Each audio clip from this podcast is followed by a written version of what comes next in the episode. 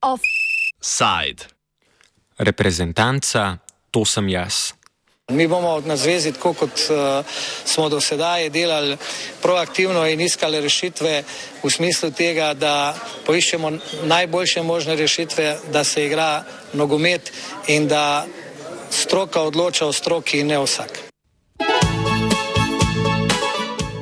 Članice nogometne reprezentance so po izjavi predsednika Nogometne zveze Slovenije Radenka Mijatoviča, ki jo je dal televiziji Slovenija, vsak.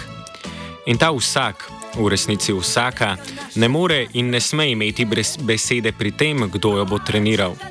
NZS ne bo dovolila, da bi igralke ali kdorkoli drug odločal o izbiri in načinu dela strokovnega vodstva in kontinuiteti dela v reprezentanci, saj sprejemanje teh odločitev ni v njihovi pristojnosti. Naj jasno poudarimo, da ima selektor podporo vodstva NZS ter proste roke pri izbiri strokovnih sodelavcev, ter sporočamo, da imenovanje in razreševanje le teh ni v pristojnosti igralka ali kogarkoli drugega, temveč izključno v pristojnosti izvršnega odbora NZS.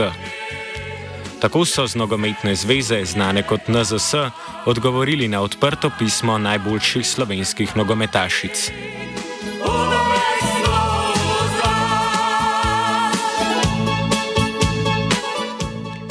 V pismu, ki so ga javno objavile, ker NZS-ja predtem niso dobile primernega odgovora, so opozorile na slabe odnose s trenerskim štabom reprezentance in maltretiranje, ki ga nad reprezentantkami izvajajo trenerji na čelu s selektorjem Borutom Jarcem.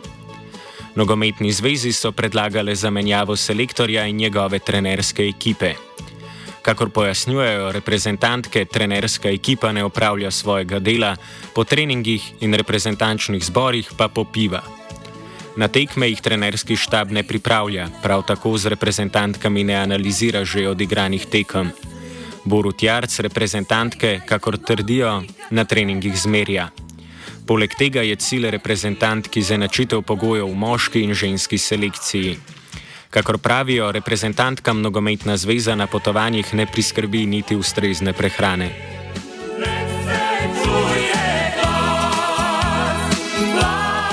Za radio študent je o razmerah v slovenski ženski nogometni reprezentanci spregovorila Lara Prašnikar, ena od 31 reprezentantk podpisanih pod odprto pismo. Ja, selektor je vedno imel nek uh, ja, avtokratski oziroma diktatorsko vodenje. Um, mislim, da skozi začetna leta smo do njega gojili neko strah in spoštovanje. Um, nobena ni spela oziroma ni upala um, povedati kaj nazaj, vedno smo slepo sledili tem njegovim navodilom, ki pa večinoma pogosto niso bila um, prava. Sploh odnos eh, do ženske mora biti drugačen, sploh na takem nivoju, kjer mi igramo, mi smo le profesionalke in uh, želimo, da nas tudi ljudje, ki so na, taki, uh, na takem mestu, kot je on, um, drugače jemljajo oziroma se vedejo do nas uh, respektno.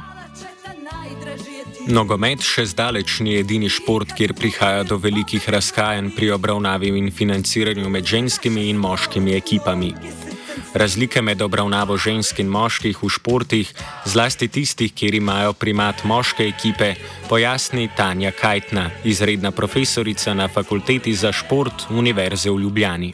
Šport se je tradicionalno začel kot moški ne? in dolga leta je trajalo, da so ženske pridobile neko enakopravnost v športu. In malo hitreje je šla ta enakopravnost v individualnih športih, zato ker so na eni strani seveda njihovi dosežki bolj opazni. Na drugi strani v ekipnih športih je šlo včasih malo bolj počasi, zato ker uh, je bilo tradicionalno učinkovitost ekipe in spremljanost odvisna tudi od finančnega zaslužka, ker vemo pa seveda, da so ekipni športi bistveno bolj gledani, hkrati se eno tekmo nogometa lahko tudi 60-70 tisoč ali pa še več gledalcev pride ogledati, medtem ko na individualnih športih takšnih ogledov gledalcev ni ne? in potem je tudi finančni dobiček manjši in seveda ekstremni primer tega je nogomet. kjer so moške, moške tekme in moški zaslužki izjemno veliki v primerjavi z ženskami, ženskimi zaslužki. Nažalost, gre preko zaslužka dosti krat tudi to, kako resno vodstva ekip oziroma vodstva zvez jemljajo posamezne športe. Kajtna dodaja, da so razlike odvisne od športa in od rezultatov, ki jih dosegajo igravci oziroma igravke. Uspehi na tekmah potem pogojujejo gledanost športa in javno mnenje o njem. Tradicionalno, dejansko večji kot je šport, teže je te premike dosegati. In zato recimo v Sloveniji vemo, da je rokomet moški in ženski zelo, zelo izenačen. Ravno tako recimo, če govorimo o košarki, ravno tako ogromno ljudi spremlja žensko košarko. Malo je seveda odvisno tudi od uspehov rezultatov, ki jih ženske dosegajo. Premiki recimo v nogometu, nažalost, verjetno bodo šli najpočasneje. Tudi s prizadevanji zvez uh, je to težko. Ne? Jaz močno dvomim, da si v kateri koli zvezi načrtno zastavijo, da bodo manj resno spodbujali moški ali pa ženski šport. Vendar pa so to premiki tudi v prigledalcu. In uh, to je nekaj, te, te spremembe javnega mnenja so počasne in zato si je treba zelo veliko časa za njih vzeti. Seveda ne, bolj kot je javno mnenje um, starokopitno, če temu tako rečemo, bolj si morajo vodstva zvez prizadevati k enakopravni obravnavi. Nogometašice so v pismu pojasnile, da so reprezentančni treningi monotoni, pripravi na tekme pa se med seboj ne razlikujejo. Selektor na mnogih reprezentančnih treningih ni prisoten, prav tako moški del vodstva analizo tekme zapusti predhodno. Igravke skupaj s trenerko in fizioterapeutkama same gledajo celotno tekmo. Zakaj je analiza tekme pomembna, komentira Kajtna. Če je treba analizirati tekmo, morajo to narediti vsi. Ne? In to pa so neke stvari, ki bi morale biti določene s pravili, oziroma bi morala, bi morala vodstva na takšne stvari reagirati. Ne? Ker se tudi, če se tekma analizira, pa, pa ni zraven vseh tistih, ki potem na koncu odločajo, ti ljudje niti nimajo informacij o tem, kaj sploh delati. Ne? Tako da um, zelo preprosto povedano, to ni povsem profesionalno. Ne? Vloga trenerja je tudi analiza tekme. Razen, če je seveda naprej dogovorjeno, da trener na analizi na ta način, ko skupaj gleda, ne bo prisoten, pa morda on sam analizira tekmo in sam pregleda morda neke stvari in na ta način pridobi informacije. Um, je pa res, da potem, če na ta način poteka, je pa fajn, da, da dekleta to vejo. Če pa, če pa si trener dejansko ne ogleda tekmo, se pa jaz sprašujem, kako sploh se lahko odloča v prihodnosti, ne, če ne ve, kaj se je dogajalo. Razen, če ima občutek, da, da je morda že ob ogledu oziroma med samo tekmo zbral dovolj informacij, vendar pa ravno zato so se razvili vsi ti analitični sistemi, da se stvari da potem v miru kasneje še enkrat pogledati, zato ker je drugače spremljati potem, ko je tekma že mimo pa ko je nekoliko nižja aktivacija, ko je malo več logičnega razmišljanja, kot med samo tekmo, ko so stvari zelo, zelo čustvene. Tudi zapomnitev je včasih pod vplivom teh čustev lahko malo težja ali pa drugačna. Vrh tega, da se lektor, kakor trdijo v odprtem pismu, nogometašic ne pripravlja na tekme, jih tudi žali. Da nimo citiramo: Igrate kot divje svinje. Kakšnega verbalnega nasilja so igralke deležne, pojasnjuje Prašnikar. Pa te komentarje so bili res vsakodnevno um, z nami. Kot sem rekla že prej, vedno je bilo tu neko straho spoštovanje. Na vzven je vedno izgledalo to vse super, vse lepo, zato so tudi zdaj mogoče taki odzivi od nogometne zveze, da noben prej ni nič vedel o tem. Morate pa tudi vedeti, da vse, kar mi povemo novinarjem po tekmi, um, to ne more zdaj biti. Uh, vse je malo kot uh, resno, super, uh, uživamo. Ne? To je zdaj mogoče razlika med tem, kar mi govorimo novinarjem, pa kar je selektor po zadnji tekmi rekel, ko je dejansko celo um, krivdo uh, za poraz uh, vrgu na nas, igravke. Da bi se trener tako odzval um, pod njej, je mislim, da nedopustno oziroma mal presenetljivo. No uh, kot vemo, trener vedno ščiti igravke. Ampak ja, taki, taki, um, take izjave so bile pač pri nas res um, pogoste. Kot pojasnjuje Prašnikar, so igralke do selektorja, ko je delo prevzel, imele straho spoštovanje, a so komentarje in maltretiranje narasli. Poleg komentarjev igre in rezultatov, ki jih nogometašice dosegajo, pa so bila dekleta deležna tudi pritiska glede izgube telesne teže. Incident, kjer so morale oceniti svojo telesno težo, opiše sogovorka. Ta, to metodo, ko, ko so si naši izbrali, je pač res bila absurdna. Um, mi smo dejansko um, na predpoletnimi pripravami imeli neko testiranje na difu, kjer je pač bilo izmerjeno, koliko je kera velika, težka um, in tako dalje. In pa smo pač sedeli v sobi, um, selektor je stal spredi, pa govoril imena vsake punce, pa je ona mogla pač s prstom gora pa pokazati, uh, kam bi mogla njena telesna teža iti. Um, ne vem, mogoče se malo sliši smešno, ampak uh, dejansko, ko si postavljen v tako situacijo, pa mogoče se v svoji koži ne počutiš najboljše um, pred celotno ekipo, to ni bil um, fajn.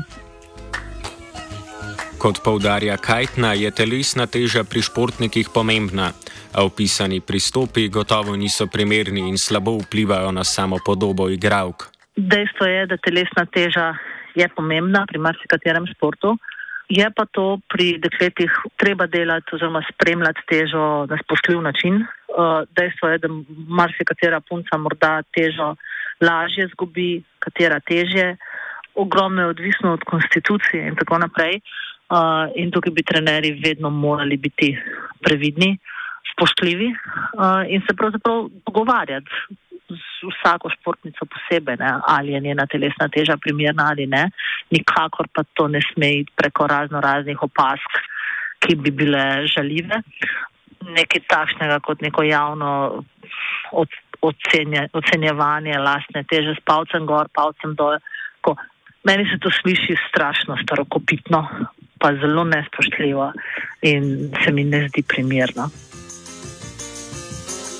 Med razlogi, ki dodatno argumentirajo slabe odnose med vodstvom in igravkami, je tudi alkohol. Reprezentantke so zapisale, citiramo, pri obrokih je na njihovi mizi vsakodnevno prisoten. Prav tako takoj po treningih, ko si ga vzamejo iz reprezentančnega kombija. Eden izmed primerov je tudi ta, da so v Turčijo, v katero ni dovoljeno uvažati alkoholnih pijač, v torbi z našimi dresi uvozili pločevinke piva Union. Veliko krat je bilo tudi opaženo in slišano opijanje vodstva. Tako je pač stalnica. Velikrat je bilo videno, da se pač um, strokovni štab ima fajn. Mi smo dosti sedeli za mizo, če cele priprave, pil sem vodo, oni pa pač si lahko privoščijo marsikaj. Selektor tudi večkrat povzdignil glas, če na mizi ni bilo tega, če eh, kdaj kak kenar prinesel napačno pivo, um, napačne znamke po treningih um, se vedno bo treba malo še tam usediti, um, pa pač spet kaj. Um, igralke, itek da ne, mislim, da tako nobena no, nič ne bi vzela, mi smo le profesionalke, je pa pač uh, malo narobe, če to vsem naučem. No. Um, noben neč z nobenega, vsak lahko dela po svoje stvari, ampak na takem uh, levelu tega pač ni. Fajn delati, se po moje. No. Um, je bilo tudi večkrat, da, da, da smo pač opazili, da je nekdo bil malvinjen, um, ko so pač časih uh, bili um, sestanki pozno. Poskrbljeno ni niti za zdravje igralk. Po navedbah igralk je sekretar Uroš Juračič prikrival in tajil okužbe s koronavirusom, kar je povzročilo, da so se okužile vse igralke in tekmo igrale bolne. Vodstvo jim ni želelo nuditi niti ločenih sob, da ne bi prišlo do dodatnega širjenja okužbe. Enkrat smo imeli situacijo korono, da je ena bila pozitivna, pa smo zahtevali, da nas dajo vsako svojo sobo, pa smo mogli, mislim, da ob desetih zvečer smo sklicali sestanek, pa je bila kar um, velik tenzije vmes. Prvo, nam itak niso hoteli prvo dati novih sob, so nas nadrli, kaj si mislimo, da smo. Um, ne da bi koga kaj zaskrbel v našem zdravju, ampak uh, ja, je prvo bilo i tak obramben mehanizem kregati tisto, ko se je sploh tega spomnala. Um, kot rečen, večkrat je tudi prišlo do sov, um, smo mačkera imela pogovor ena na ena, pa pač to ni bilo um, možno normalno lo, um, rešiti. A za slabo stanje v ženski nogometni reprezentanci ni kriv zgolj selektor in njegova ekipa. Do velikih razhajanj med moškimi in ženskimi ekipami prihaja tudi pri prevozu do prizorišč tekom in hrani, ki jo športnice prejemajo. Ja, to je vedno neka razlika med uh, spoloma, ki se dela sploh na nogometni zvezi. Je ta razlika ogromna. Če sam primerjamo to, da smo uh, igrali isto tekmo, iste kvalifikacije, mi proti Kazahstanu in pa moški proti Kazahstanu, oni so tja leteli z VIP čarterjem o katerem se je še en teden prej in en teden kasneje govorili po vseh novicah, uh, kako super imajo potovanje. No, mi smo na to tekmovanje oziroma na to tekmo šle čez Turčijo, torej čez Istanbul, tam presedali, mislim, da ne štiri ure eh, v economy classu. Um, potovanje mislim, da je trajalo okrog 15 ur, če se ne motim. Za hrano, kot je bilo rečeno, ja, zjutraj dobimo običajno en lunch paket, ko gremo z hotela ker mu je jogurt, kar pomeni, da moraš to pojesti, že preden se ukrcaš na letalo, oziroma preden greš uh, čez ček. In pol pa pač smo, ja, uh, prepuščene sam sebi. Zdaj, marsikera punca je še študentka, pa verjetno to zgledajo na denar. Uh, včasih, kjer sploh neč ne je po cel dan, zato ker vemo, kakšne so cene na letališčih. Um, eh, nujno zahtevajo nekega čarterja, pač pa vse neke normalne povezave. Um, Lahko rečem, da mi po tekmah tudi včasih direktno gremo na letališče, brez da bi pač šli še v hotel, se mogoče naspali, zato ker pač uh, so take povezave naj, najbolj poceni. Uh, lahko rečem, da smo igrali na v Walesu in uh, po tekmi direkt uh, na avtobus smo se pelali iz Walesa do Londona, um, v Londonu šele na letališče. Eh, na letalo potovali oziroma letele do Trsta, pa še iz Trsta eh, z avtobusom eh, v Ljubljano. Take povezave, ko mislim, da če bi kjer moški profesionalc predtem slišal, da bo tek letel, bi verjetno kar povabilo odslovil. Kajt nameni, da vsi našteti razlogi v pismu niso le mu, muha igravk, gre namreč za brezizhodno situacijo, kjer, kjer igravke nimajo sogovorca na drugi strani in so se zato morale obrniti na javnost. Mislim, da že to, da do takega pisma pride, pomeni, da dekleta občutijo precejšno nemoč, ker da se obrnejo na javnost, ki je zelo, zelo nekonkretna. Ne, torej javnost to je nekaj splošnega, veste, oni se sploh tukaj ne pogovarjajo z nekom konkretnim, javnost ne odloča, javnost lahko izraži, izraža, izraža zgroženost ali pa nestrinjanje, ampak odločila pa javnost ne bo. In bi se morala res grozovita kritična masa zgoditi ali pa ogromno teh komentarjev in do, do res visokih nivojev bi morali ti komentarji priti, da bi se nekdo zaradi tega zganil in da do takšnega pisma pride, pomeni, da so se dolgo poskušale dogovoriti, pogovarjati, pa spremeniti stvari, pa jim ni uspelo, ne, kar je že samo po sebi slabo. V športu leta in leta čaka, da se bo kaj spremenilo, ponavadi pomeni tudi leta in leta nazadovanja. Ko, da se ta trend spet obrne na vzgor, ne, potem spet traja pa še dvakrat toliko let, kot se je to dogajalo. Uh, in zato se mi zdi, da je izjemnega pomena komunikacija znotraj ekipe, znotraj tima, ne samo med igravkami samimi oziroma med ekipo športnikov, uh, ampak tudi športniki z vodstvom. Takšna pisma pomenijo, da je bilo te komunikacije najverjetneje premalo ali pa je bila tako slaba, da je niso uspeli drugače rešiti. Uh, in v trenutku, ko se to dogaja tako dolgo, se potem treba vprašati, ne, ali so dovolj ažurno oziroma ali so na zvezi sploh za to vedeli oziroma če so vedeli škoda, da niso morda reagirali hitreje. Ta odziv zveze uh, je bil v resnici pač korekten, igravke niso tiste, ki same odločajo o vodstvu, to mora postaviti zveza. Je pa res, da je igravke pa smiselno poslušati, zato ker imajo najboljše informacije o tem, kar se dogaja. Ne? In pomembno je tudi, da so to podpisale, mislim, da kar vse igravke. Zveza je po zimi selektorju Jarcu podaljšala mandat, ne da bi o odnosih med vodstvom in igravkami vprašali upletene. Prav tako so za navedene argumente v pismu dejali, da jih bodo obravnavali z odgovornostjo, a se lahko pogledi na te dogodke razlikujejo. Zveza je pač dejansko povedala, da oni odločajo o selektorju. Um, jaz, kot vem, uh, sem našemu selektorju po zimi podaljšal mandat, um, brez da bi lahko dali možnost komu drugmu, da bi se prijavil na to delovno mesto, ali pa da bi sploh koga drugega poimenovali, zato ker je pač to bila najlažja uh, rešitev. Tudi nobenega vprašanja ni bilo strani zveze, ali smo zadovoljni ali ne.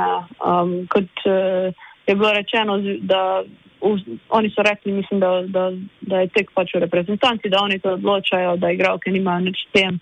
Pa pa povem, da po drugih zvezah eh, temu ni tako. Um, nogomet eh, ne rabi biti vedno avtokratski, um, lahko prije tudi do, do pogovora med igralkami, da mi smo tiste, ki igramo, mi moramo povedati, da smo zadovoljni ali ne.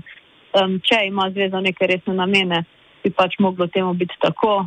Tako kot rečeno, ni bilo nobenega pogovora ko smo pa zdaj na zadnje imeli pogovor, eh, smo pa želeli o tem zvezo obvestiti, pa je že pred pogovorom prišlo takoj iz uh, sekretarjevih ust, da, da mi nismo zato tu, da bi določali selektorja, uh, nimamo mi o tem kaj govoriti.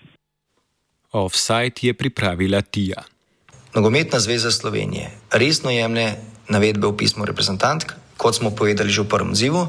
V prihodnjih dneh bomo pričeli s preučitvijo dogodkov, do zaključka tega postopka pa zadeve dodatno ne komentiramo.